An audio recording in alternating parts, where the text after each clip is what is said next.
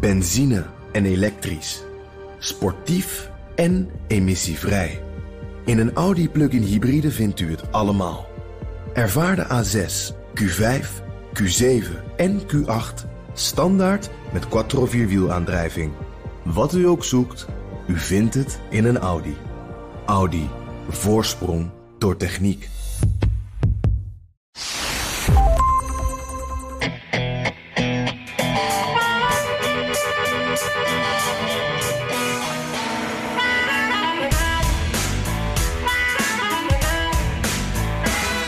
Presidentskandidaat, 77 jaar oud, zoekt een running mate. Stemmenkanon, prettig in de omgang, ervaring is een pre... en oh ja, het moet een vrouw zijn. I commit that I will in fact appoint a, I'll pick a woman to be vice president. There are a number of women who are qualified to be president tomorrow. I would pick a woman to be my vice president. Bij verkiezingen stemt nooit iemand op een kandidaat vanwege diens running mate. Van JFK tot Obama en Trump, ze wonnen het allemaal op eigen kracht. Maar door een slechte keuze kun je wel verliezen. John McCain schakelde zichzelf uit door te kiezen voor Sarah Palin als running mate. Kortom, we gaan het hebben over de Veep Stakes. Aflevering 35 van de Amerika-podcast. Mijn naam is Jan Posma. Van achter de keukentafel in Washington met een kop hete koffie in de ijskoude airco. En ik ben Bernard Hammelburg vanuit een zonovergoten Amsterdam. Hittegolf officieel. Ah. Dus met koffie, maar daarnaast een glaasje ijswater.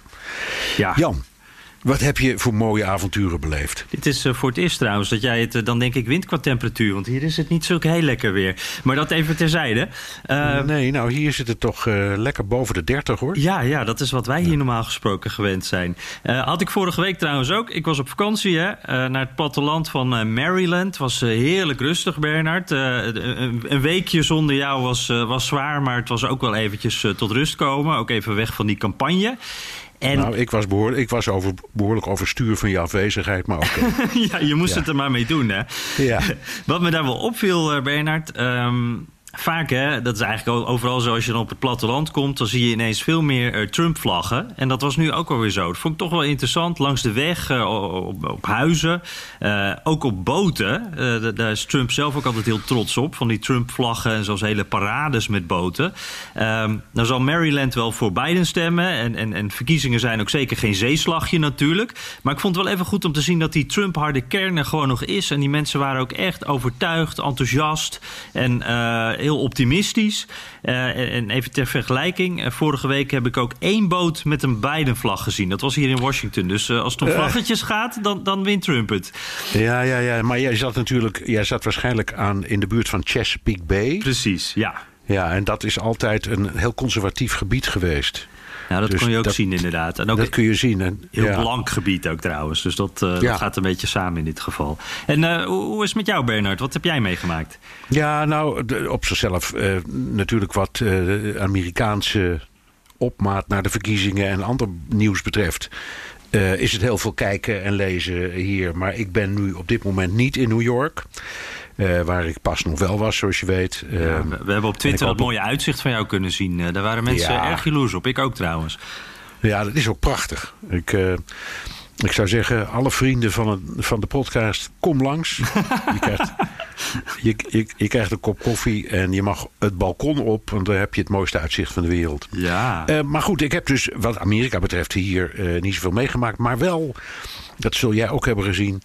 Maar voor mij is het grote nieuws van de week de voorspelling van Alan Lichtman in de New York Times over de verkiezingen. Ehm, een hele bekende emeritus hoogleraar op American University.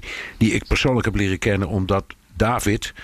Die jou wel eens vervangt als jij weer naar Chesapeake ja. Bay moet. ja, die, die heeft bij hem gestudeerd. Dus aan American University. Ah. Dus ik, via, hem ken ik die man ook goed.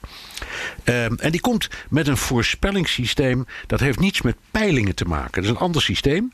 Eh, en hij heeft al 40 jaar correct voorspeld. Dus 40 jaar lang nog nooit fout voorspeld. En die is nu met zijn voorspelling gekomen.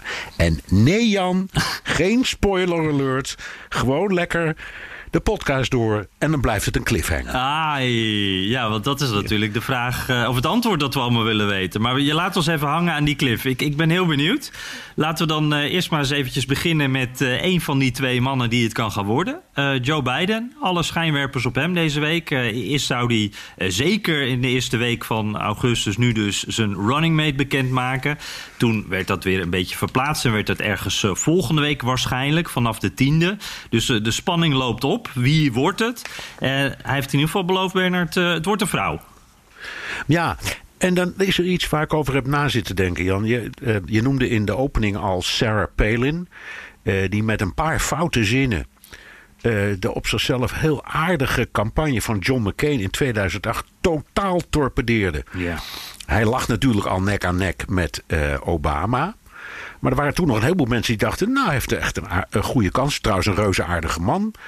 en toen kwam die Palin in één keer uit. Dus ik ga even iets heel vreselijk politiek incorrects tegen je zeggen, maar ik zit er, altijd goed. Zit in. Pelin heeft, McCain heeft Pelin gekozen, was ook al een oudere man, maar die dacht: ik, ik moet een, dit is af, moet afgelopen zijn met die mannen, ik wil een vrouw. En toen koos hij Pelin, dat was het einde van zijn campagne. Waarom moet het toch absoluut een vrouw zijn? Het, het gaat er toch om dat uh, als Joe Biden, uh, die al oud is, uh, afvalt of misschien maar één termijn blijft zitten, dan gaat het toch in de eerste plaats om dat er een goede tweede achter hem staat. In plaats van dat het dogmatisch een vrouw zou moeten mm -hmm. weten. Ja. Wat, hoe sta jij nou? Ben ik nou gek? Ja, natuurlijk. maar, ja, maar ja. is dat een rare gedachte? Nou ja, iedereen denkt natuurlijk, je wil uiteindelijk de beste persoon. Dus kwaliteit staat voorop. Uh, maar ja, ik denk dat een deel van de democraten, misschien zelfs wel een groot deel van de democraten, wil ook denk ik wel heel graag een statement maken. Dit, dit is de, de, partij van de progressieve Amerikanen, zo zien ze zichzelf in ieder geval. Uh, Biden is, uh, nou ja, net zoals John McCain, wat jij al noemde, echt zo'n zo ja, ouderwets een oude blanke man. Dat past eigenlijk niet zo goed bij wat een deel van de partij nu wil, wat ze willen uitstralen. En ja, dan is het wel lekker, denk ik, om even een statement te maken naast die saaie blanke man. En, en dan, ja, misschien ook wel speelt dat ook wel mee. Eindelijk dat, dat glazen plafond waar Hillary Clinton het al over had. Uh, om dat dan toch eindelijk te, doorbreken. Ja, en jij hebt me ook altijd geleerd trouwens dat de helft van het electoraat vrouw is. Dus dat, tactisch is het toch ook misschien wel handig, Bernard? Zeker, zeker, zeker. Maar ik spreek het ook allemaal niet tegen. Alleen ik zit dan te denken. Um, het is, het, ik, laat, laat, laat ik het zo zeggen. Ik sta helemaal achter die opvatting van de, de partijtop die zichzelf progressief vinden en dus zeggen: we moeten af van dat mannenimperium. Ik vind, daar ben ik het ook wel mee eens. Um, alleen is de partijtop wel wat de gemiddelde democratische kiezer in het land is. En daar heb ik twijfels over. Ja. En dan nog wat. Dan zeggen ze erbij. Bij voorkeur een zwarte vrouw. Nou, da daarvan denk ik ook. Dat is buitengewoon sympathiek. Het is niet anders te noemen. Maar is het ook verstandig? Want maar 13% van de Amerikanen is zwart. Ja. nou, nou, nou, nou kun je zeggen: oké, okay, ik zou ook als blanke op zo iemand stemmen, omdat ik het een statement vind dat ik steun. Mm -hmm. Maar voor heel veel mensen. Ja, die zullen denken, nou, ik vind het allemaal wel erg geforceerd. En nou moet en zal het een zwarte vrouw zijn. Nou. Ja, ja, ook, ook juist in deze tijd zou je kunnen zeggen. Uh, uh, in, in de zin van we zitten midden in een pandemie. Het gaat op dit moment niet goed met de economie in dit land. Uh, we zitten in een crisissituatie. Kijk dan gewoon sec. Wie heeft de beste kwaliteiten? die willen we er hebben en niet naar geslacht of kleur. Uh, ja, je kan ook zeggen, uh, met name als je zegt ik wil een zwarte vrouw, dan wordt het wel echt uh, dat je jezelf gaat beperken. Want, want, zoveel zwarte vrouwen zijn er nou ook weer niet die de ervaring hebben voor deze positie. Er zijn überhaupt natuurlijk niet, kan niet iedereen dit doen. vicepresident. Maar ik, ik, denk hierbij ook wel hoor. Die democraten die willen graag. die zit ook een beetje nostalgie misschien in. Hè? Dat, dat, toen Obama president werd, toen, toen werd er iets doorbroken. De eerste zwarte president een beetje dat gevoel terugbrengen, dat geeft ook wel een soort van vertrouwen, nostalgie.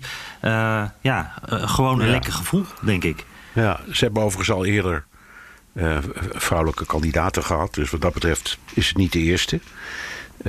Geraldine Ferraro, die je misschien nog herinnert. en was ook een hele populaire vrouw. En die heeft ook wel echt een bijdrage geleverd toen. Zij was echt de eerste, toch? Dat was de eerste, ja. In de nou ja, 80. als je terug. Ik ben de naam vergeten, maar als je teruggaat in de geschiedenis. ehm, dan moet je al, ik denk aan het begin van de 19e eeuw, of halverwege de 19e eeuw kijken. Was er al een eerste vrouwelijke presidentskandidaat. En dat was een republikein. Ah, Ik ben even de naam vergeten. Het is ook al Maar lang je weet, geleden. in, ja, maar in, en die, in die tijd was dat natuurlijk de progressieve beweging. En was, waren de democraten, de conservatieven. Maar het, op zichzelf, het is een paar keer gebeurd. En het is goed. Nou eventjes, ja, het is een hele lijst. Hè. Jij zegt terecht, er zijn niet zoveel kandidaten. Maar als je online zoekt. eh, we zullen ook in, in, in, in de, de webtekst eh, online zullen we een linkje geven, zodat mensen dat even allemaal op hun gemakje kunnen nalezen. Ja. Maar noem, noem eens even de belangrijkste, Jan. Laten we ze eens even op een rijtje zetten. Heb je het voor je? Ja, ja, ja. Ik heb inderdaad ik heb mijn, mijn shortlist eh, voor me liggen. Ik stel me voor dat eh, Joe Biden zo ook in zijn kelder zit af en toe. Dat hij dan af en toe iemand wegstreept en een, een uitroepteken bij iemand anders zet. En ik denk bovenaan eh Kamala Harris toch. Dat, dat, dat Ja. lijkt me op dit moment de favoriet. Hebben wij ook al vaak genoemd, hè? Ehm, Haar moeder is van eh Indiaanse afkomst, haar vader uit Jamaica. Eh, heeft, dus, dus dat heeft, ze heeft die, die achtergrond waar nou ja, Biden naar op zoek is. Ze heeft ervaring. Eh, ze, ze is aanklager geweest in Californië.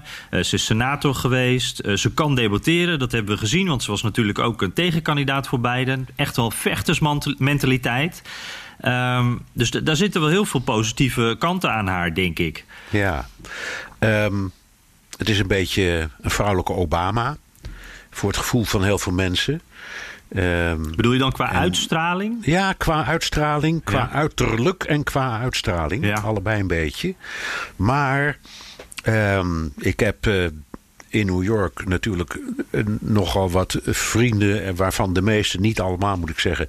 de meeste democraten zijn. En er zijn een paar heel erg betrokken in de campagne... en ook lid van de partij. En die, die doen dan ook mee aan campagnes. En die hebben allemaal een beetje... een, eh, die vinden Harris een slechte keus. Die denken, ehm, dat wordt het uiteindelijk, die wordt het uiteindelijk niet, want het is niet echt een aardig mens. Ehm, en dan zeg ik steeds, daar gaat het niet om. Het gaat erom wie vertrouwen inboezemt en wie stemmen trekt. Maar de, de, de reactie die ik zie onder democraten die ik zelf ken, is ontzettend negatief. En waar zit hem dat dan in? Want eh, Ja, we hadden dit- ook eh, Chris Dodd, die voormalig senator... die, die ook in de commissie zit van Biden. eh, die, die zegt van ja, ze is te ambitieus eigenlijk. Ja, ja het is een beetje, ze vinden het een streber. Ja.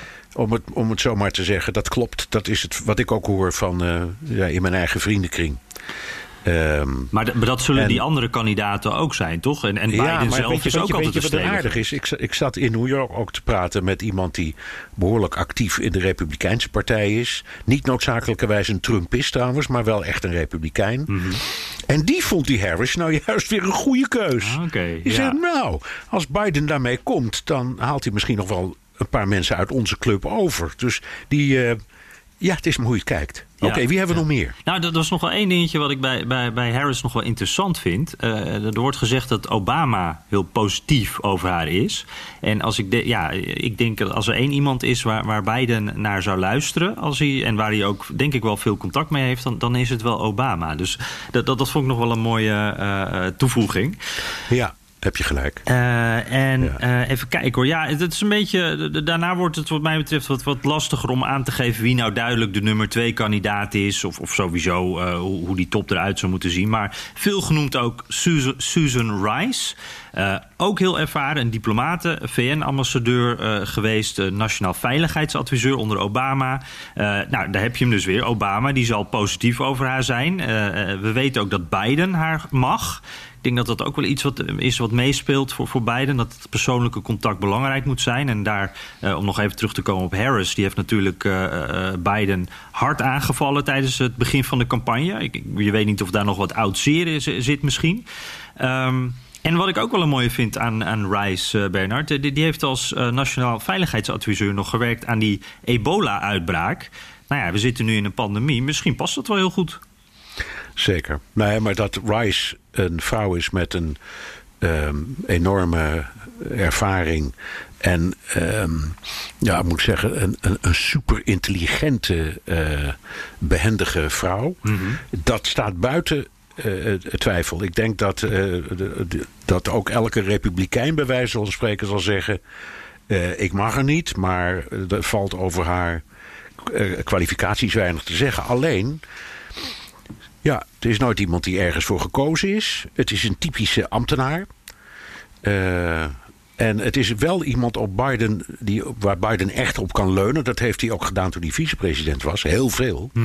Maar kan zij de zaak overnemen van Biden? Zonder enige eigen politieke ervaring. En dat zou mij, als ik op Biden zou willen stemmen... en deze kwestie van belang vond... dat zijn twee disclaimers in één zin...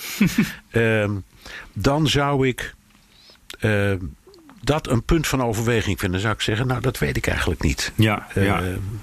Eh, one heartbeat away from the presidency.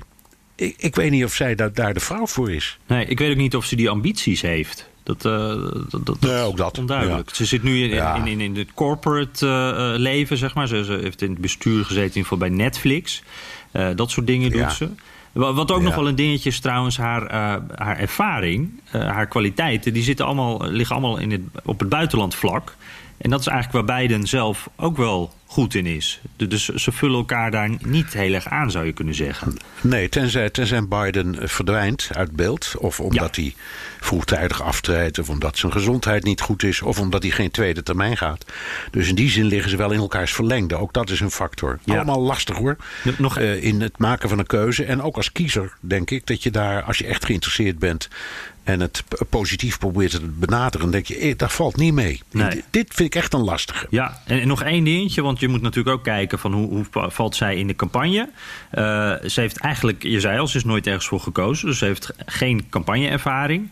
En eh, ja, zij was eh, eh, to- toen VN-ambassadeur tijdens Benghazi. Nou ja, als je dat woord. je hoeft Fox maar aan te zetten, of dat woord komt sowieso een keertje voorbij. Ja. Dus dan hebben zij ook al de aanvalslijn te pakken. Of dat nou terecht is of niet.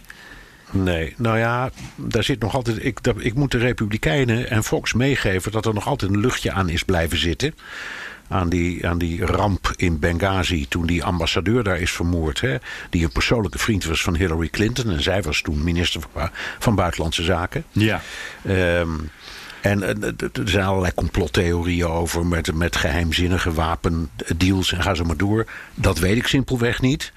Ehm, maar wat ik eh, wel nog altijd heel opmerkelijk vind, is inderdaad dat deze hele zaak allemaal op de privé-server stond van Hillary. Dat was die beroemde eh, kwestie van de e-mails. Ja. Eh, en dat eh, bij het onderzoek daarnaar bleek dat zowel de CIA als haar eigen ministerie van Buitenlandse Zaken die eh, ambassadeur of haar hadden gewaarschuwd om die ambassadeur niet van Tripoli naar Benghazi te laten reizen. Eh, en, daar is die, en daar is hij toch heen gegaan en toch en vermoord. Ehm, en dat, dat is echt een vlek op, op hun blazoen. Zelfs als je kunt zeggen: van schuld is geen sprake. Er is ook nog, iets, er is ook nog zoiets als verantwoordelijkheid. En die droeg zij, vind ik ook wel hoor, Susan Rice. Ja, nou ja, dan krijg je dus. eh, dat, dat- die, die gaat ze sowieso, die aanval gaat ze krijgen. Ehm, hey, ja, eh, nog nog een oude bekende, hè? Elizabeth Warren. Ehm, ik, ik denk, ze, ze wordt nog steeds genoemd. Ik zag zelfs een peiling de- de- waarin ze favoriet werd genoemd. Om, om, eh, niet niet eh, dat ze het ging worden, maar meer van... eh, het zou een hele goede kandidaat zijn volgens heel veel mensen. Haar kwaliteiten. Wat denk je? Ja, ze is heel inhoudelijk, Ik- economisch, maar Nou ja, ook te oud en te wit, denk ik. Ja, en, het, en ehm, ze wordt veel geassocieerd met de, de linkerflank van de partij. De, de Bernie Sanders groep. Die is sterk en heel overtuigd, maar niet heel groot. En, en heeft al helemaal geen eh, overeenkomst met de gemiddelde kiezer in de Verenigde Staten. En uiteindelijk moet je je kiezers uit het midden halen. Ja. Eh, en ehm, haar ideeën worden als heel radicaal ervaren door zelfs veel, veel democraten. Daarom heeft ze het in die voorverkiezing ook niet gered. Eh, en waarom zou een gematigd man als Biden nu kiezen voor een radicale running mate, althans in de ogen van de kiezer. Ja, ja. en in het begin dachten we ook nog wel van uh, Biden... die moet ook nog de steun verdienen van die uh, flank van de partij. Maar als je nu kijkt, ja, dat is eigenlijk helemaal geen discussie meer, hè? Nee. Dus, nee. Hey, nee. Ik, heb, ik heb nog twee op het lijstje. Ga Karen Bass. De, de, de, de, onbekendste naam eigenlijk voor mij. die kwam ineens een paar weken geleden omhoog. Ze zit in het Huis van Afgevaardigden in Californië. Uh, een frisse naam. Uh, maar ja, ze werd ook meteen uh, keihard aangevallen. Uh, ik krijg echt al, ik denk wel twee weken al geregeld mailtjes over haar van de Trump-campagne. Over wat zij over Fidel Castro heeft gezegd. Daar was ze veel te positief over. en, en dan zie je meteen haar probleem ook. Dat ze niet door, ja, al een, zo'n Harris, die, Warren ook, die hebben een uitgebreide media-vetting gehad. Die zijn al helemaal door de mangel gegaan. En, en deze mevrouw niet. Dat is toch ook een probleem dan, hè? Ja, dat is waar. Dus ja, het is een smerige communist. Hè? Dus in het jargon van de, van de ja. Republikeinen. Dus weet je, weet, je wat, weet je wat ik denk? Dat er een heel andere kwestie zit die haar ook parten kan spelen. Ik weet helemaal niet of het waar is. En ik weet ook niet of ik mag vinden wat ik nu zeg. Maar er zijn allerlei geruchten van, over haar banden met de Church of Scientology. Ja, ja, ik heb ook een video um, gezien daarvan inderdaad. Dat zijn ja, kerk opent, geloof ik. Ja, ja, nou precies. Nou kun je zeggen, iedereen mag geloven wat hij wil. Ik behoor tot die uh, overtuiging. Maar in bijvoorbeeld Duitsland en ook andere landen wordt Scientology gezien als een misdadige organisatie. En ook niet als kerk, maar als uh, onderneming. Mm -hmm. Um, en er zijn ook in Amerika heel veel zaken over. Uh, er zijn ook zaken tegen uh, de Scientology geweest. En die hebben een eigen spionageafdeling. Die uh, wordt ingezet om mensen die dingen zeggen zoals jij en ik nu bespreken. onmiddellijk te gaan lastigvallen, vervolgen. Dus ik, ik moet vrezen dat ik daar ook het slachtoffer van word nu de komende tijd. Ja. Maar hoe dan ook, nogmaals. Ze mag, ieder mens mag geloven wat, wat, wat hij wil. En, en, en mevrouw Baas zeker ook. Alleen ik denk dat het electoraal echt een probleem wordt. Ja, ja die kunnen we dus eigenlijk dat, al een beetje wegstrepen. Toch? Ja, ik, ja. ik zou, hoe, hoe erg het ook is, want het is net zo, net zo goed zeggen: hé, hey, uh, een Jood of een moslim of een katholiek, dat moet ik je afraden. Hè? Zo klinkt het een beetje. Ja. Uh, uh, en toch zou ik het hem afraden. Ja, ja, ja, ja, ja, ja.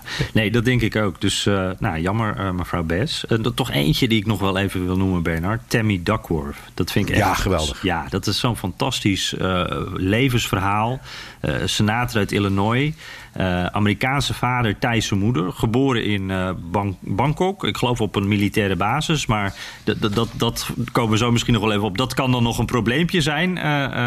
in ieder geval in de campagne. Maar haar verhaal, hè, zij, zij is een veteraan. Uh, haar helikopter is uh, neergeschoten in Irak. Daar is haar benen bij kwijtgeraakt. en nou ja, dus elke keer als je haar ziet, dan zie je meteen wat voor, ja, om even in Amerikaanse termen, wat voor offers ze voor haar land heeft gebracht. ja, toch teruggekomen ook daarna. ze is moeder inmiddels. Ze is dus in de Senaat gekozen. Dus zij is het hele Amerikaanse verhaal van een veteraan, die American Dream, alles eigenlijk. Ja, en een hero. Ja, precies. En dat is, dat is waar destijds John McCain ook zijn politieke carrière door is begonnen. Want die was neergeschoten als gevechtspiloot boven Vietnam. En heeft, ik geloof, acht jaar in dat beruchte Hanoi Hilton als gevangene gezeten. En kwam dus compleet gekreukeld en bijna niet meer normaal in leven terug. En is, ja, genezen, mm. gelukkig. En uiteindelijk toch een hele vooraanstaande politicus geworden. Uh, en ook bij hem uh, zijn er heel veel mensen geweest die zeiden: ja, nou ja, dat, ik weet niet of dat voor hem pleit. Denk aan Trump. Ja. Die zei: ik, ik, ik hou niet van verliezers, ik nee. hou van winnaars. Ja. Nou, nou, nou, nou, nou. Dat Ja. vond ik een harde. Ja. ja, dat krijg je. Dat zal hier ook gebeuren. Ja, ja. Ik, ik, uh, ik heb wel het gevoel dat zij een outsider kan zijn. Het, uh, een, een, verrassing. Ja. Ja. En inderdaad, dat vind ik wel een ding. Hier speelt um, in de eerste plaats uh, het, het feit dat dit een, nou ja, een, een, uh, een patriot is. En dat gaat eigenlijk, dat stijgt in, voor het gevoel van heel veel Amerikanen een beetje uit boven politieke kwesties. Mm -hmm. als, je, als je zo patriotisch bent geweest en als je je je benen kwijt bent en je dan toch opnieuw blijft inzetten voor de publieke zaak. Dat heeft wel wat. Mooi verhaal. Ja, ja zeker. Ehm, ja, dan, uh, ik, ja, we hebben nog een hele reservebank. Uh, maar ja, dit zijn wel even de belangrijkste, denk ik. Denk jij? Zullen we die online zetten, die reservebank? Ja, is goed. Ja. ja. ja, voor iedereen die dat wil, die kan het even nalezen. Uh, is, ja. wie, wie, van. Uh, ja, we hebben steeds allebei Harris genoemd. Hè? Uh, is dat voor jou nog steeds de, de favoriet? Ja. Bij mij, ja. ja. bij mij ook. Ja. voor mij. Gewoon omdat ik dat zelf vind. En ook omdat ik denk dat ze alle combinaties. Ze combineert alle eigenschappen.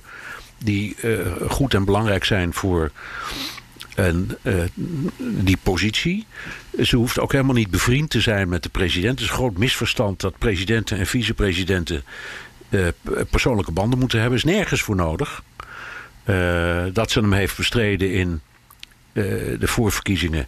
Ja, dat kan, dat kan er ook niet worden kwalijk genomen. En als ze daarna bereid is om die post te nemen. Nou ja, hoe, hoe, dan is het naar mijn idee ook, ook politiek, mm laat maar zeggen, goed gemaakt. Dus ja hoor, Harris. Ja, maar, maar wat nog eventjes daarover, over die ambitie. Wat dan gezegd wordt van nou, die Harris die zal dan uh, als vicepresident eigenlijk veel harder bezig zijn met haar eigen presidentschap.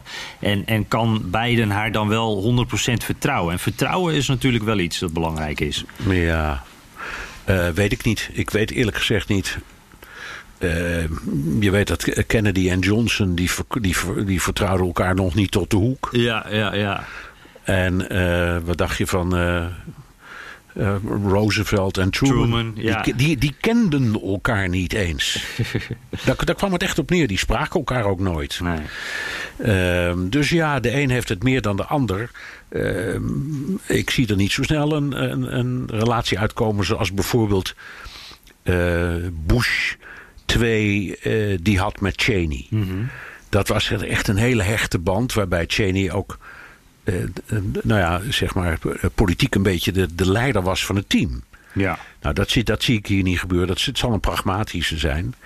Uh, maar goed, het moet ook iemand zijn die het kan overnemen.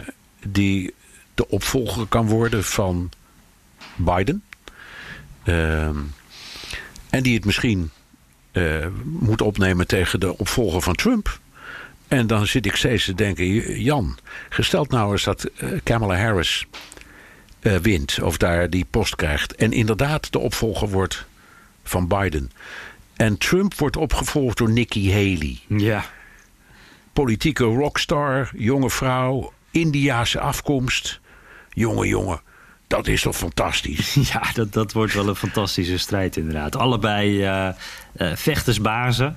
Uh, heel erg goed ook in wat ze doen. Dat, dat, ja, en ik denk ook dan, ja, dan schiet Amerika ineens de 21ste eeuw in als het gaat om presidentskandidaten, toch? Dan ja. ook qua leeftijd een stuk moderner. Twee vrouwen, gemengde afkomst.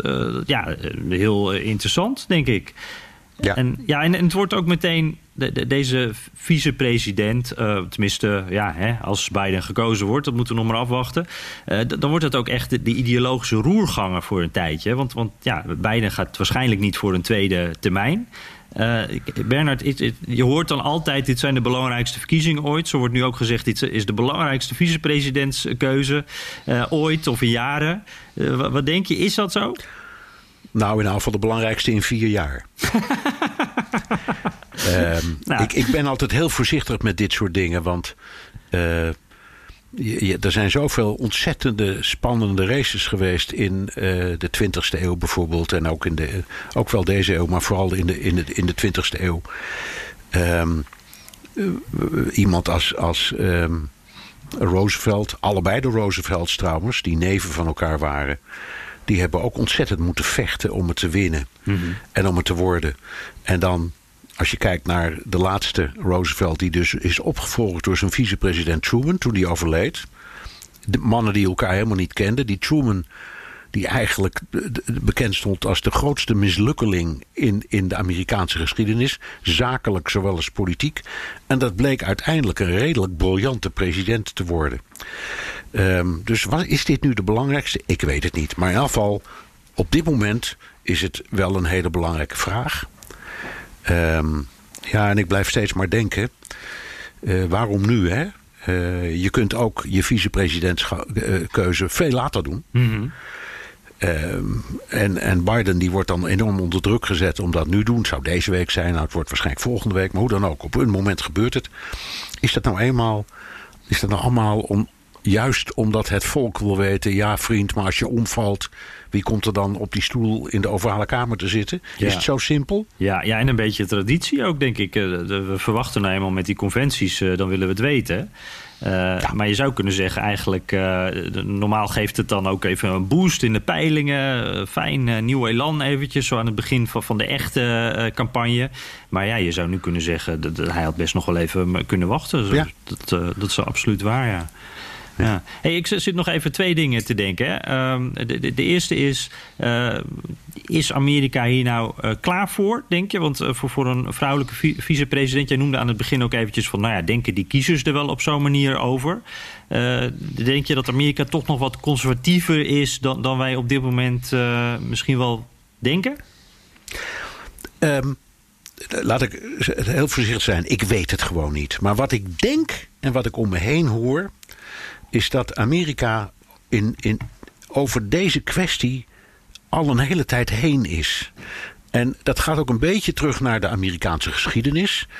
Eh, omdat vrouwen in de hele Amerikaanse geschiedenis altijd een belangrijke rol hebben gespeeld. Ehm, ik, ze hebben altijd meegewerkt. Ze hebben altijd banen gehad. Ehm, de- natuurlijk, je hebt ook huisvrouwen, maar dat is echt een minderheid in de Verenigde Staten. En dat is altijd zo geweest. Dat was al in de tijd van de, van de pioniers die naar het westen trokken. En dan hadden die vrouwen vaak de verantwoordelijkheid voor het complete boerenbedrijf en alles wat erop en eraan zat.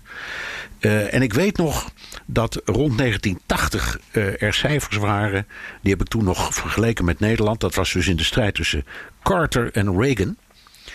Eh, toen waren er eh, cijfers over het participatieniveau van vrouwen in, eh, in de maatschappij in, als werk. En toen al werkte 75% van de gehuwde vrouwen in 1980. Op dat moment, 1980, was dat percentage in Nederland 18. Ja. Dus ze, ze zijn wat dat betreft ons vooruit, hoe gek het ook klinkt. Dus Ja? ik denk dat Amerikanen, ja, ik denk dat Amerikanen helemaal niet zullen zeggen f- dat de geslacht er zoveel toe doet. Maakt dat nou uit, Jos. Maar goeie is. En als hij maar lekker links of lekker rechts is, dat vinden ze wel belangrijk. Ja, ja, je draait het eigenlijk om. nou- Ze zijn eigenlijk een stuk verder. Ja, wat dat betreft eh, denk ik, denk ik wel. En, en Amerikanen kunnen ook leren. Hè. Je had het mooie voorbeeld van Obama, die tegen het homohuwelijk was. Was hij een tegenstander van. Ehm, en toen de ene naar de andere Amerikaanse staat omging en het homohuwelijk invoerde, toen zei hij op een bepaald moment zelf: Ja, ik moet niet koppig zijn. Dan heb ik mij misschien wel vergist. Of in elk geval moet ik toegeven dat dat nu eenmaal de lijn is.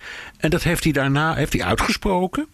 Dus hij zei, ik moet door de omstandigheden van gedachten veranderen. Maar dat doe ik dan ook. Ja, En dat vond ik ook wel een erg Amerikaanse manier van denken. Van ja, nou ja, de anderen hebben waarschijnlijk gelijk. Dus ik moet me laten overtuigen. Ik zal maar zeggen, Rutte en Zwarte Piet. eh, hè, wat er nu gebeurt en wat hij nou heeft gezegd. Ja, dat is, wat dat betreft zijn de Amerikanen ons wel een stukje voor. Een heleboel Ja. punten niet, maar daar wel. Ja, en ook al die, die nadruk op vrouwelijke kandidaten. Ik bedoel, in Nederland praten we er veel over. Maar eh, een, een vrouwelijke premier, we zijn nog niet eh, in de buurt geweest eh, in Nederland. Dus op dat punt. Nee, helemaal niet. En eh, je hebt dan eh, bij elke verkiezing heb je weer eh, namen. Maar ja, goed, Sigrid Kaag wordt nu lijsttrekker van eh, D66.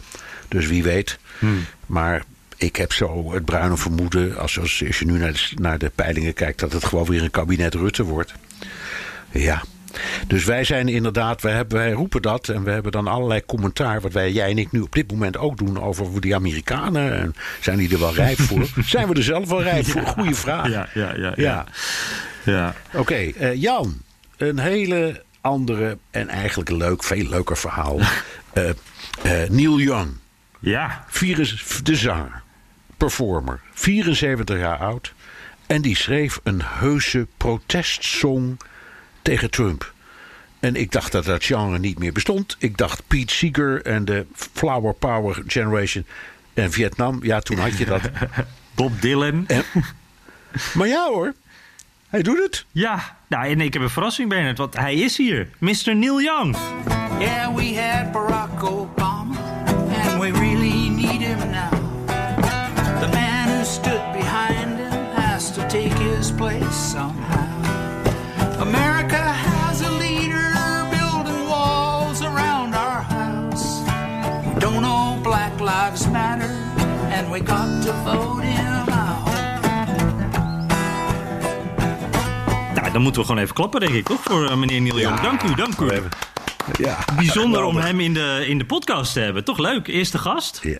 ja. En eh, mo- mooie tekst ook, eh, Bernard. Eh, we had Ja. Barack Obama and we really need him now. The man who stood behind him has to take his place somehow. Dat, dat is denk ik ook wel het gevoel een beetje bij veel democraten. Ja, precies. Als de democraten vinden dat ze ernaar moeten kijken. Ze, hè, dus ze, ze gaan in een, door een periode van nostalgie. En Obama is voor een groot deel van de partij toch nog echt wel het, het symbool van die nostalgie. En Biden is zijn natuurlijke opvolger. Dus ja, dat, ik, ik, ik kan me dat wel voorstellen. Ja. Eh, en in elk geval was het ja, een protestsong. Ja. Man, ik wist niet wat ik hoorde. Nee, Ja. over nostalgie gesproken. En ook wel, wel mooi, hè? want die Neil Young, daar, eh, eh, die, die spreekt zich vaak politiek uit natuurlijk. Maar dat was een Canadees. Nu is hij een, ja, ik- hoe noem je dat dan? Een Canarican of een Canadian American. Ja, hij noemt zichzelf een American. Ja. Mooie term. Want eh, hij woont al een halve eeuw, eh, geloof ik, in Californië, in eh, Los Angeles. Eh, en nu is hij dan echt geneutraliseerd. En, en de reden is dan ook, hij wil kunnen stemmen. En dan tegen Trump dus. Dus eigenlijk is Trump de reden dat hij nu eh, Amerikaan is geworden. En hij heeft ook net eh, deze week dan eh, de Trump-campagne aangeklaagd. Want eh, eh, keep on rocking the free world eh, hoor je heel vaak eh, aan het begin van, eh, van, van campagne-rallies van Trump. Trump is wel een beetje fan van Neil Young volgens mij. Maar Neil Young vindt dat helemaal niks. Dat Nee. muziek wordt gedraaid. En, en hoe zou dat juridisch zitten? Want kijk, als zo'n campagne dat doet, dan bepaalt, betalen ze gewoon rechten. Dus wat wij Buma Stemra noemen. Ehm, kan dan de eigenaar, de, de, de, de, de componist, kan die dan verbieden, het gebruik verbieden? Weet ik niet hoor. Nee. Eh, Hoe dat, zeker niet onder Amerikaans recht. Dus eh, Nee, want nu je dit zo zegt, we horen heel vaak die berichten. Het komt natuurlijk heel vaak voor dat eh, artiesten niet blij zijn, vaak met republikeinse kandidaten, dat ze die muziek gebruiken. Maar ik hoor eigenlijk nooit hoe dat afloopt, behalve dat het dus altijd wat negatieve publiciteit is. Maar dat kan Trump niet zoveel schelen, denk ik. Nee. Nou, ik heb zelf één keer een episode meegemaakt. Eh, bij een eh, Republikeinse conventie, jaren geleden. Daar was, daar, wa- daar waren de, daar wa- daar was een van de Beach Boys. En daar, daar had ik met een aantal journalisten een gesprek mee. En die vertelde dat eh, zij in de tijd van Nixon ehm, ook altijd optraden voor, de- voor de Republikeinse campagne en ook voor de conventie. En dat dat spanning had gegeven omdat de partijleden vonden die Beach Boys te links. Mooi. Dus dat is, ja. De, de Nou ja. keurigste jongens die je voor kan stellen in die wilde Nou. jaren zestig. En die waren dan te heftig. Allemaal, allemaal met keurig gekamde haren. en, eh, en ze hadden kostuums aan en stropdassen en ga zo maar door. Nou, de, de- Neil Young is net even anders, hè? Ja, ja, ja, ja, ja. ja. hey, eh, we moeten het misschien maar eens eventjes eh, over die verkiezingen gaan hebben, Bernard. Met eh, de peilingen Yes. en eh, hoe we ervoor staan en zo. Zal ik eens even een voorzetje geven? Doe ze voorzitter. Want ik, Ja. ik heb net voordat we met elkaar gingen spreken... nog weer naar peilingen zitten kijken. Maar dat is echt... Dat is toch echt eh, jouw domein, vind ik. Jij snapt ze beter, je kunt ze beter uitleggen. Oh, dat is gevaarlijk. Ehm, maar ik vind altijd, ik vind in ieder geval een leuk spelletje ook altijd nou, laat ik een voorzet geven. Ja. Wat ik dus net zat te lezen. Ik weet niet meer op welke nieuwssite. Eh, maar die schreef... Biden ligt nog wel wat voor, maar... De daling van Trump is gestopt. Zo werd het geformuleerd. Hmm. Dus ik vroeg me af, heeft Trump, die, die een beetje achterloopt, eh, nou de kans om eh, de comeback kid, comeback kid, zoals Clinton, Ja. of in dit geval vanwege zijn leeftijd, de comeback guy te worden? Ja, ja, goede vraag. Ehm, ja, ik, heb, ik, ik zag in de eh, grafieken wel, wel een heel heel klein knikje eh, positief voor Trump. Uh, nu drie maanden voor de verkiezingen trouwens. Hè. Dat is toch wel even een momentje. Uh, maar als je dan kijkt naar, naar, naar de gemiddeldes... blijft het ook wel een beetje gelijk. Met steeds Biden 7 tot 8 punten voor op Trump. Als je dan naar die landelijke gemiddeldes kijkt. En ik maak gelijk even een rondje dan. Um, de gemiddeldes van een paar belangrijke swing states ook. Michigan, Pennsylvania, Wisconsin. Um, 538 pak ik er dan even bij. Die hebben allemaal plus 7 voor Biden. Dus Biden 7 punten voor. Florida plus 5. Dus dan weet je even dat ook op dat vlak het uh, uh, ja, ja, eigenlijk best behoorlijk en, negatief voor staat. En Texas? Texas? Oh, die heb ik even niet bij de hand. Nee, want ik, daar keek ik uh, de, ook nog naar in de laatste peiling ja. die ik zag. En daar scheelt het maar 1% of niet eens. Wauw, ja. En dat vond ik wel wat, want ja, dat, dat, de Trump moet Texas winnen. Dat, het is ondenkbaar dat de Republikein Texas niet wint. Ja, dus, ja, ja. Het, is, het is een teken aan de wand. Ja, zeker. En, ja. ja. En, en dan nog, uh, nog iets. Hè. Er, er bestaat zoiets als, dat heet in Amerika zo, de Oktober Surprise. Ja. Uh, dat is dus dat vlak voor de verkiezingen er een, uh, nou ja, iets gebeurt, een nieuwsgebeurtenis, waardoor plotseling die strijd omslaat. Schandaaltje. Ehm, schandaaltje. Dat was vorige keer het onderzoek van Comey van de FBI naar Hillary Clinton. Ja. Die die, die die eerst verdacht en toen weer niet verdacht en toen weer wel verdacht. En ga ze maar door. Nou, dat heeft er echt. Uh, dat was een nekslag. Wat denk je nou? Ik zit te denken.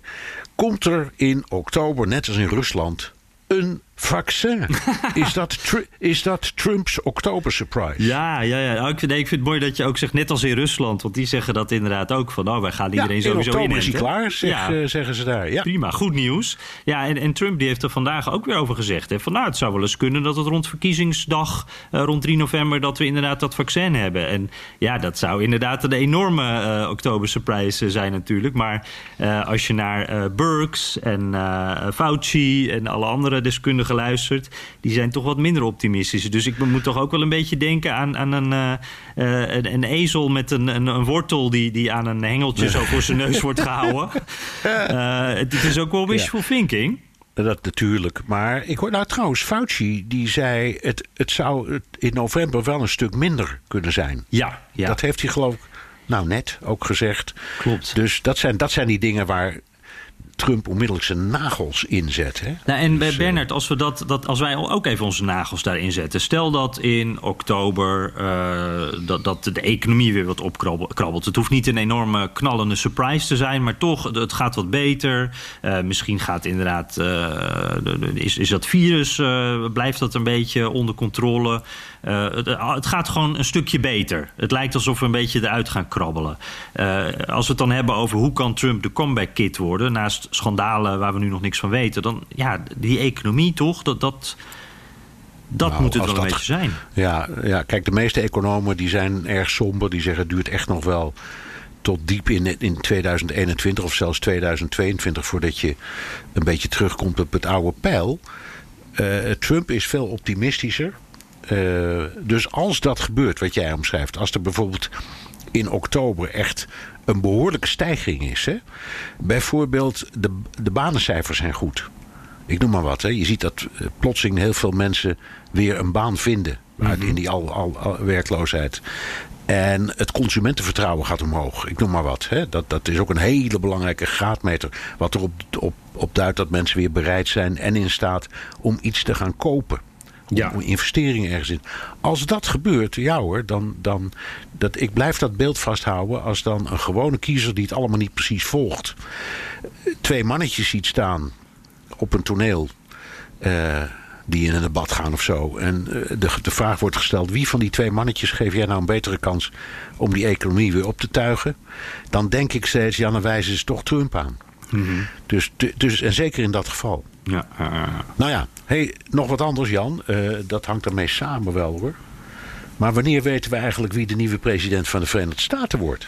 Ja. Want, want, want er zijn op 3 november verkiezingen. Normaal heb je dan in de nacht of de, uh, van 3 op 4 of de ochtend van de vierde. Dan weet je het wel zo'n beetje. Ja. Maar het kan best lang wachten worden. Eh, zoals de in 2000 tussen Bush en Gore, dat heeft nog weken geduurd. Ben Smith voorspelt in de New York Times dat we zo'n uitslag krijgen. Vertel, hoe zit dat in elkaar? Ja. Wat is zijn redenering? Ja, ik vond het een interessant verhaal. Die Ben Smith is een hele eh goede eh, media-columnist. Eh, heeft de BuzzFeed ooit eh, groot gemaakt. Hij werkt nu dus bij de New York Times. Heeft er echt spraakmakende en goed geresearchde... ja, soort, soort vrije nieuwsverhalen. En dat heet dan een column. En hij, hij schreef eigenlijk op wat, denk ik... Ja, wat wij eigenlijk allemaal wel een beetje wisten diep van binnen.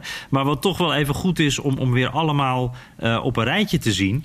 Ehm, ja, we gaan natuurlijk veel meer stemmen via de post, deze verkiezingen. Eh, in, in veel staten eh, mag je die dan van tevoren nog niet tellen. Dus die liggen dan te, te wachten. Soms mag je wel controleren of bijvoorbeeld de handtekeningen kloppen, dat soort dingen. Maar die liggen dan ergens opgeslagen. Eh, en dat, dat gaat gewoon veel langer duren om te tellen. En dan heb je ook nog verschillende regels over post die... nou ja, misschien wel het poststempel van 3 november hebben... maar nog niet op eh, 3 november binnen is gekomen. Eh, dat gaat gewoon een hoop gedoe op, op, opleveren. En dan, dan kan er ook nog veel misgaan. Ehm, we hebben al een paar keer wat langer moeten wachten op primary-uitslagen. Nou, nu gaat het om nog veel meer stemmen. En het is maar de vraag of dat in al die staten goed zal gaan. Eh, helemaal als het natuurlijk een spannende uitslag wordt in een swing state. Dat, dat zou zomaar weer kunnen. Eh, nou, en de conclusie is dan van Ben Smith... Die, eh, het wordt geen verkiezingsavond. Het wordt verkiezingsweek. Het wordt misschien zelfs wel verkiezingsweken. En hij denkt dan ook meteen door als mediacolumnist... wat moeten de media daarmee? En hij zegt dan van ja, CNN, Fox News, eh, alle zenders... die hebben natuurlijk die avond eh, die, die kaarten allemaal in beeld. Die willen gel- gelijk een conclusie. Die, die, die willen Wat dacht, je, wat, wat dacht je van BNR Nieuwsradio? ja, precies hetzelfde. Ja, de, wij Ja. willen ook. We willen de, de film wil je uitzien met, met, met de, de einduitslag. Eh, Tuurlijk. Dus Ben Smit die zegt erover van ja, de, media moeten mensen ook de komende tijd gaan voorbereiden. Dat dat hoogstwaarschijnlijk niet gaat gebeuren. En we moeten ook heel voorzichtig zijn met, met het callen, met, met, met het uitroepen van een winnaar. Eh, inderdaad, Florida in twee- 2000 bijvoorbeeld eh, is daar een goed voorbeeld van. Eh, en, en hij zegt ook van wat gebeurt er als bijvoorbeeld Pennsylvania, ik noem maar wat, naar Trump lijkt te gaan. Eh, nou, fantastisch nieuws voor Trump. Hij claimt het ook meteen. En een week later is het misschien wel Biden. Ja, dat, dat is best. Dat wordt een hele moeilijke, verwarrende situatie. Ja.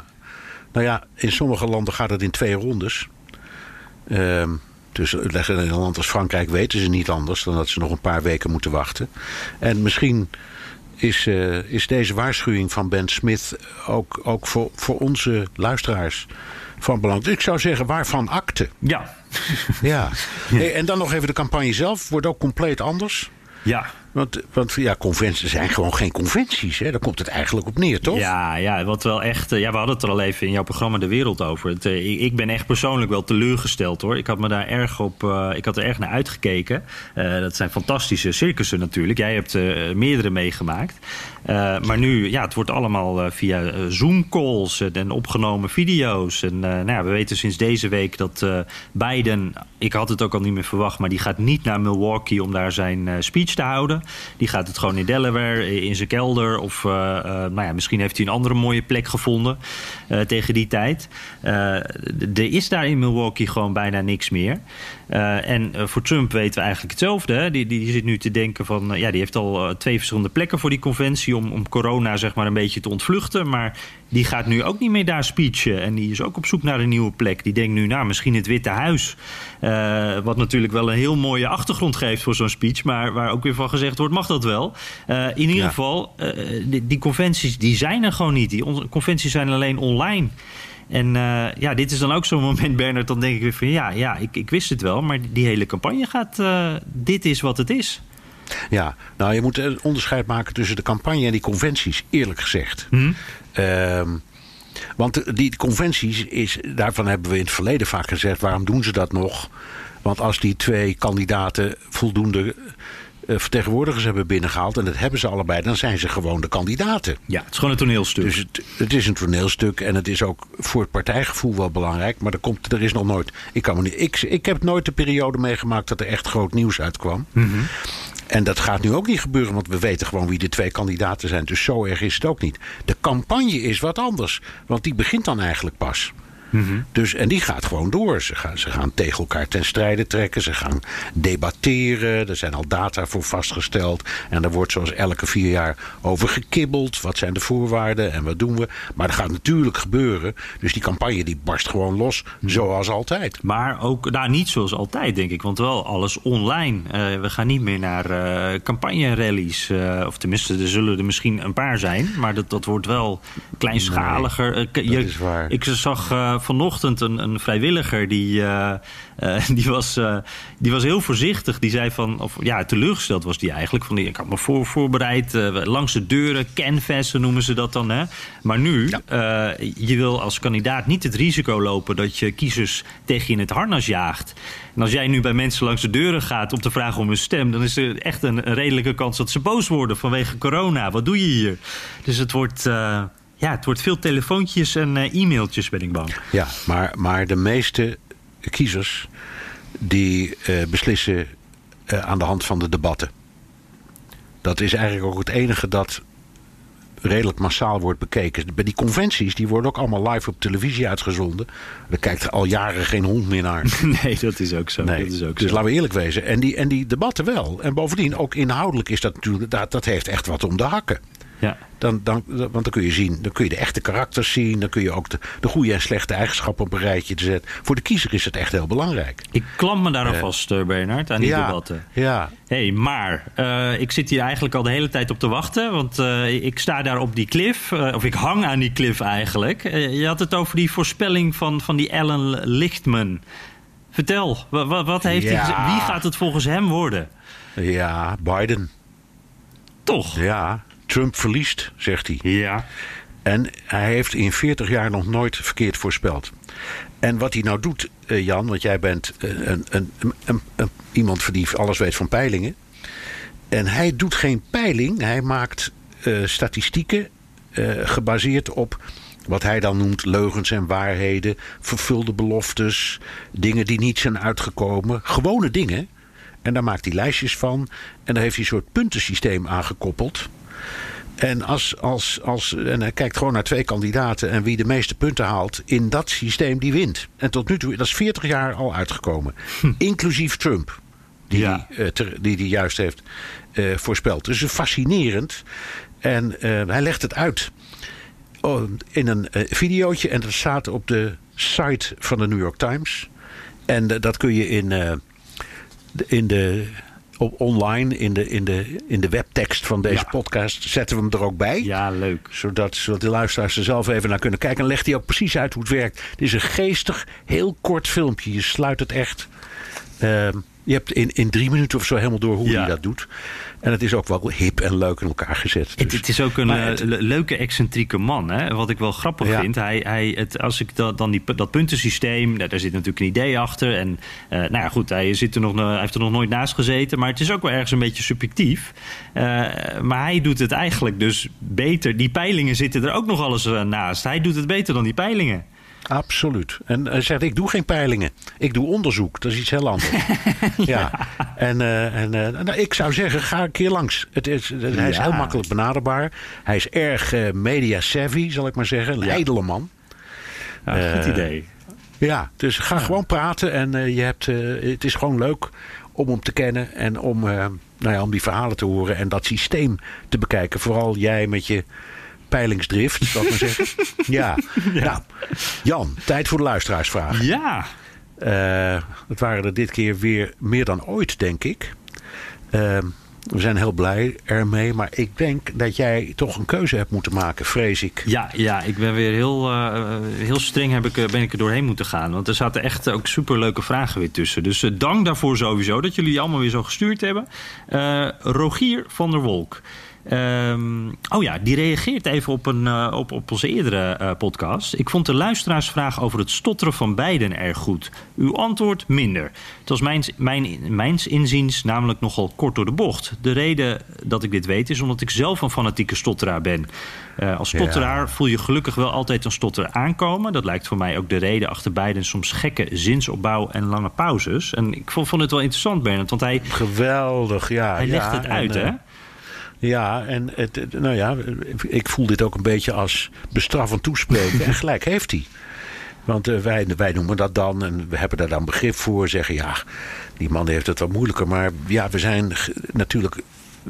We hebben het zelf niet. En ehm, ik ken overigens in mijn omgeving heel veel mensen die het wel hebben hoor. Dus het komt heel erg veel voor. Maar. ehm, ik, ik, ik ben blij dat hij je daarop wijst. En ook blij dat hij, ik zal maar zeggen, het lef heeft om te zeggen: jongens, ik kan jullie uit eigen ervaring uitleggen hoe dat in elkaar zit. Ja, want hij, hij omschrijft dat. Ik wil dat toch eventjes eh, ook eh, citeren. Want hij, hij legt het echt eh, goed uit. eh, met betrekking tot Biden ook. Want hij zegt: dit verklaart ook eh, die, warrigheid van Biden. Daar hebben we het vaak over. Hè. Is hij gewoon te oud? Is het tot stotteren? Wat is het dan? Eh, eh, iedereen kan er wel eens naast zitten, zegt, eh, eh, zegt Rogier. Maar de mate waarin dat hem lijkt te overkomen... duidt erop dat hij tijdens het spreken te afgeleid is. Niet gek, want het onderdrukken en verbloemen van je stotter... kost nogal wat energie en werkgeheugen. Des te frustrerender vind ik het dat Biden de handicap zelf niet meer, niet meer naar voren brengt. Maar helaas is het ook begrijpelijk... aangezien hij zichzelf al jaren vreemd als iemand die het stotteren heeft overwonnen. Dus dat ja, het is een goede ik uitleg. snap het helemaal. Ja. En in zijn hersens, nu, ik snap het ook beter nu. ja, Ehm, als hij eh, Minneapolis neemt, noemt in plaats van Jacksonville of andersom, dan is dat niet omdat hij niet weet welke van die twee steden hij eigenlijk wil zeggen. Maar hij is met zijn gedachten bezig om de regie van de spraak eh, te blijven ja, in handen te houden. Ja, ja, prachtig, prachtig verhaal. dank Rogier. Ik ja, dank. Ja, Ehm, ja nee, de, een mooi verhaal. Eh, dan gaan we eens eventjes kijken. ehm, beste Jan en Bernard, als Trump in november niet wordt herkozen... hoe groot schatten jullie de kans in dat hij zich dan over vier jaar opnieuw kandidaat stelt? Of zal hij op een andere manier politieke invloed kunnen houden? Kees de Waaier.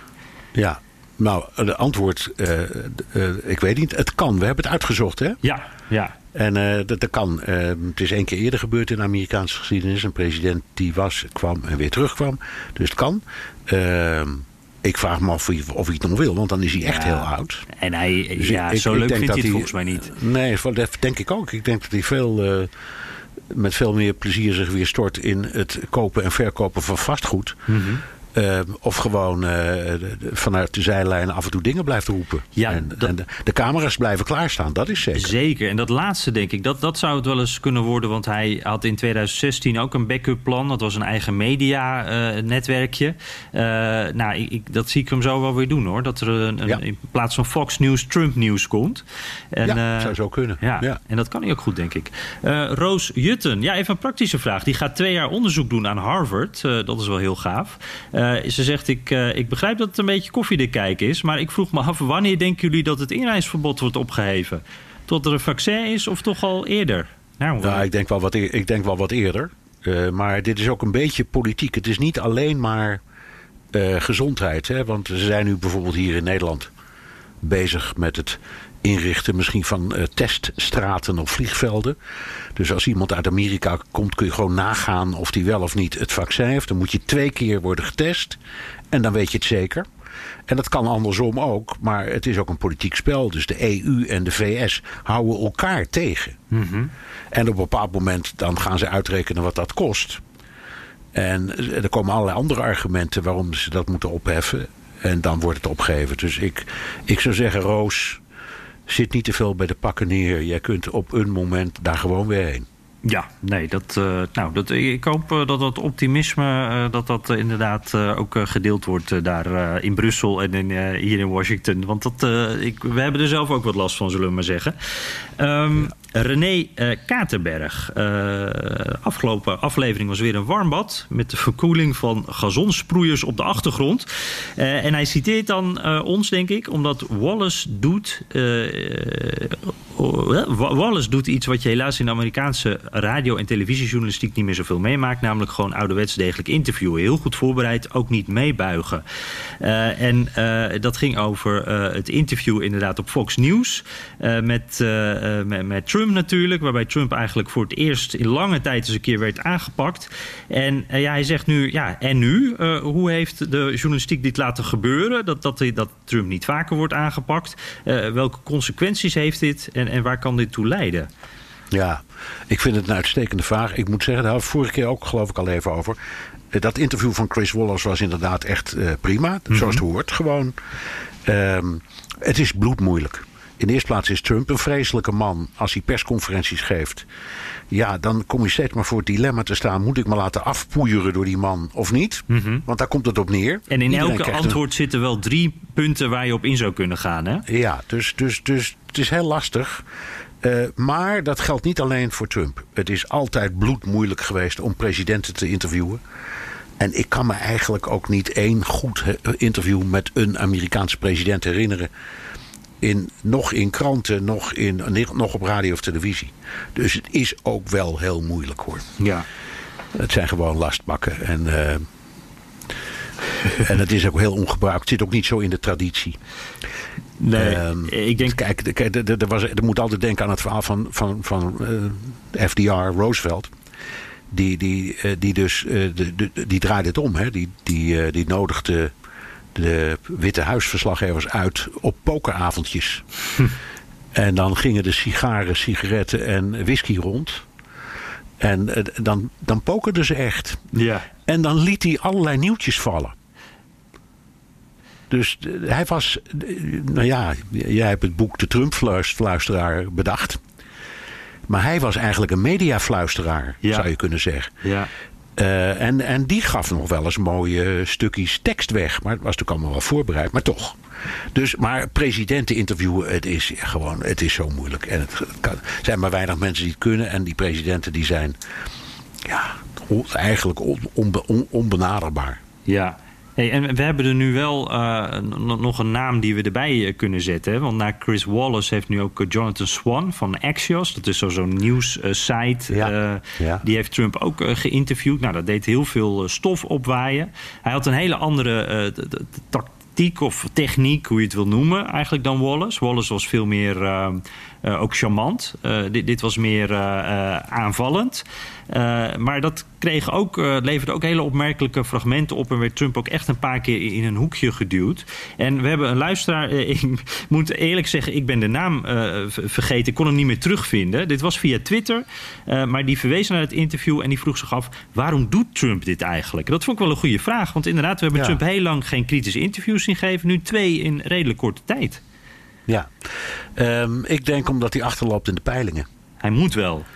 Ja, hij moet wel. En op, omdat hij denkt, ik weet wel dat ik het tegen dit soort mannen niet kan winnen. Maar zij ook niet van mij. In elk geval in de ogen van mijn eigen kiezer. Dus het is denk ik gewoon koele be- beredenering. Oké, kom maar, een paar- laat maar een paar van die schooiers langskomen. Dan krijg ik het even moeilijk, maar ik maak het, maak het hun ook moeilijk. En ik kom uiteindelijk er best mee weg. Ja. Dat is denk ik de tactiek. ja. En hij kan bovendien het ook gebruiken hè, in de campagne van luister, ik, ik sta gewoon open voor de media. Hoe vaak zien jullie interviews met Biden? Zal hij roepen. Precies. En dat is geheel ik- terecht. En ik ja, en ik, ik gooi mezelf gewoon voor de leeuwen. En dan zit ik daar te zweten. Dat gaat hij er allemaal bij zeggen. Maar ik doe het wel. Ja, ja, ja, ja, ja. ja, dat is een belangrijk punt ook in de Trump-campagne op dit moment. En, eh, en terecht dus van, eh, ja, Biden, Ja. waar blijf jij dan op zo'n moment? Ja. Eh, even kijken. Willem van Haren, fan van het eerste uur. Dat is altijd mooi. En hij geeft nog de tip van de Apple AirPods Pro. Want eh, daar zit zo'n goede noise cancelling op... dat hij zelfs tijdens het schuren en het schilderen eh, kan luisteren. Heerlijk, zegt hij. Eh, even kijken. Oh, eh, eh, ik was al fan van Jan toen hij Boekenstein en de Wijk eh, deed. Mis je die mannen niet af en toe, Jan? Ja, nou, ik, ik weet dat jullie luisteren, Arend Jan en eh, Rob de Wijk. Eh, ik mis jullie wel hoor. Het is eh, ver weg hier van de studio met jullie. Eh, maar wat ik nu doe is gelukkig ook heel leuk. En hij zegt dan nog... het, is overigens, het is overigens een leuk programma gebleven. Hè? Al die Zeker. jaren door. Zeker, Ja. zeker. Het, eh, hele, ik luister ook nog, eh, daar luister ik ook de podcast van. En eh Bernard luistert, eh, naar jou luistert hij al veel langer. Hij is blij dat je niet in New York zit. Wel zo veilig, zegt hij. Eh, dan twee vragen. Belangrijke vraag. Wat is de naam van jullie titelsong? Ik heb hem geprobeerd te shazammen, maar te vergeefs. Ja, dat is onze eh, ja, technicus, uber-technicus André Dortmund. Die heeft dat in elkaar gezet, hè, onze, onze titelsong. Dus eh, het, het is een Dortmund original. Maar eh, volgens mij is er geen lange versie van. Dus, eh, Nee, nee. Het is, uh, het is een klein stukje blues dat hij zelf in elkaar heeft gezet. Ja, ja onze eigen bluesman. Dus uh, daar, goed, daar, daar, moeten we misschien eens naar vragen, naar een lange versie. Zodat uh, de, ook de luisteraars daarnaar kunnen luisteren. De echte vraag dan. Ik vat hem even samen hoor. hij zegt, Willem zegt eigenlijk, ik heb de lelijke kant van de journalistiek meegemaakt. ik zie het vertrouwen dalen in de journalistiek. En zijn vraag is dan, moeten we onze trias politica niet herzien... en journalistiek als officieel controleinstrument gaan toevoegen? In de trias politica wordt elke macht gecontroleerd. Maar wie controleert de nieuwsgaring? Ja, het is een goed punt. En ook geen nieuw punt. Hè. Dat in, in, in het Engels en het Amerikaans hebben ze het vaak over de fourth estate. En in het Nederlands vaak over de vierde macht. De media. Dus het is een, een discussie die al, nou misschien al wel decennia loopt. En ik vind het een punt. Uh, ik vind twee dingen. In de eerste plaats, wij moeten niet arrogant worden en net doen alsof wij beter zijn dan het parlement. Het parlement is er voor die controle. Wij zijn alleen maar om het waar te nemen. Uh, en de controle op de nieuwsgaren, ja, die is verdomd karig. Wij komen met veel weg en ik vind ook dat we onze taak niet altijd even goed uitvoeren. Dus ik, ehm, ik, ik, vind, ik vind het een goede vraag en ik heb het antwoord niet. dat zijn de beste vragen. Het is ook best een ingewikkelde inderdaad. Uh, even kijken, hebben we de tijd toch voor eentje, Bernard? Nou ja, we zitten al ruim over een uur, Jan. Maar ja. goed. Nou, misschien moeten we hem dan ook gewoon eventjes... Uh, uh... Nou, ik heb er nog eentje. Uh, Jasper van Veen. Graag zou ik jullie mening willen weten over het volgende. Wat doet het verzwakken van Trump met de eenheid van de Republikeinse Partij? Is er kans op een scheuring? Um, ik denk eerlijk gezegd van niet. Uh, de, dezelfde vraag werd gesteld toen, toen de Tea Party werd opgericht. Toen zeiden ze ook, nou ja, dat is zo extreem. Daar willen gewone republikeinen niks mee te maken hebben. En nu heeft die Tea Party eigenlijk de zaak min of meer in handen.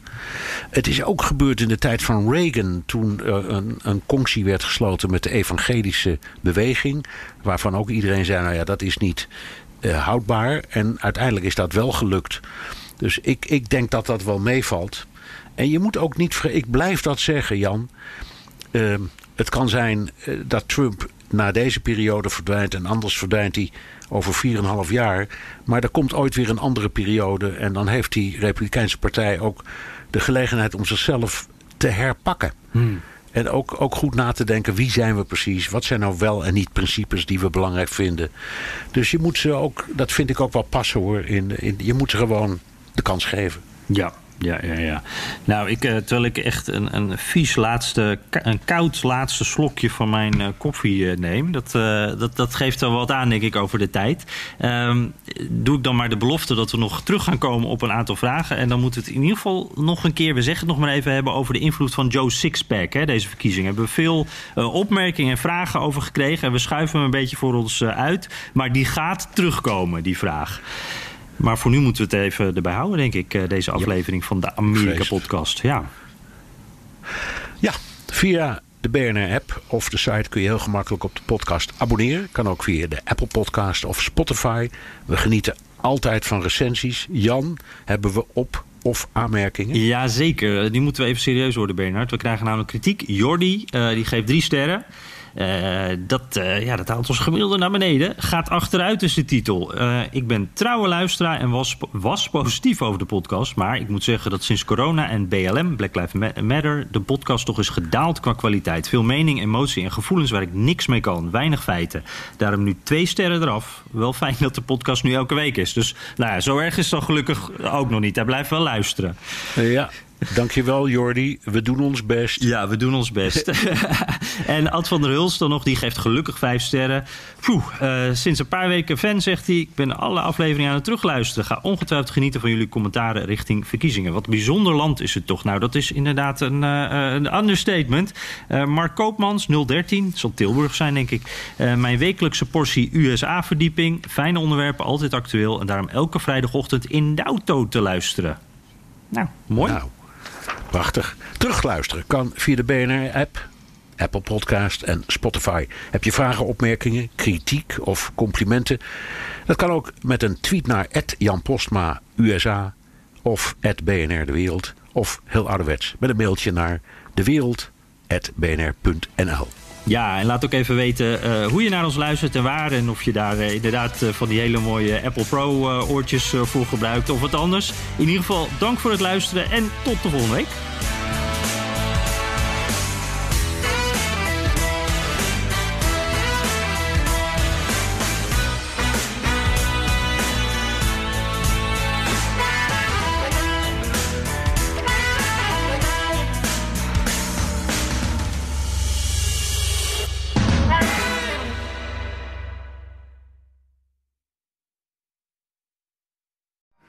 Benzine en elektrisch. Sportief en emissievrij. In een Audi plug-in hybride vindt u het allemaal. Ervaar de A6, Q5, Q7 en Q8 standaard met quattro vierwielaandrijving. Wat u ook zoekt, u vindt het in een Audi. Audi. Voorsprong door techniek.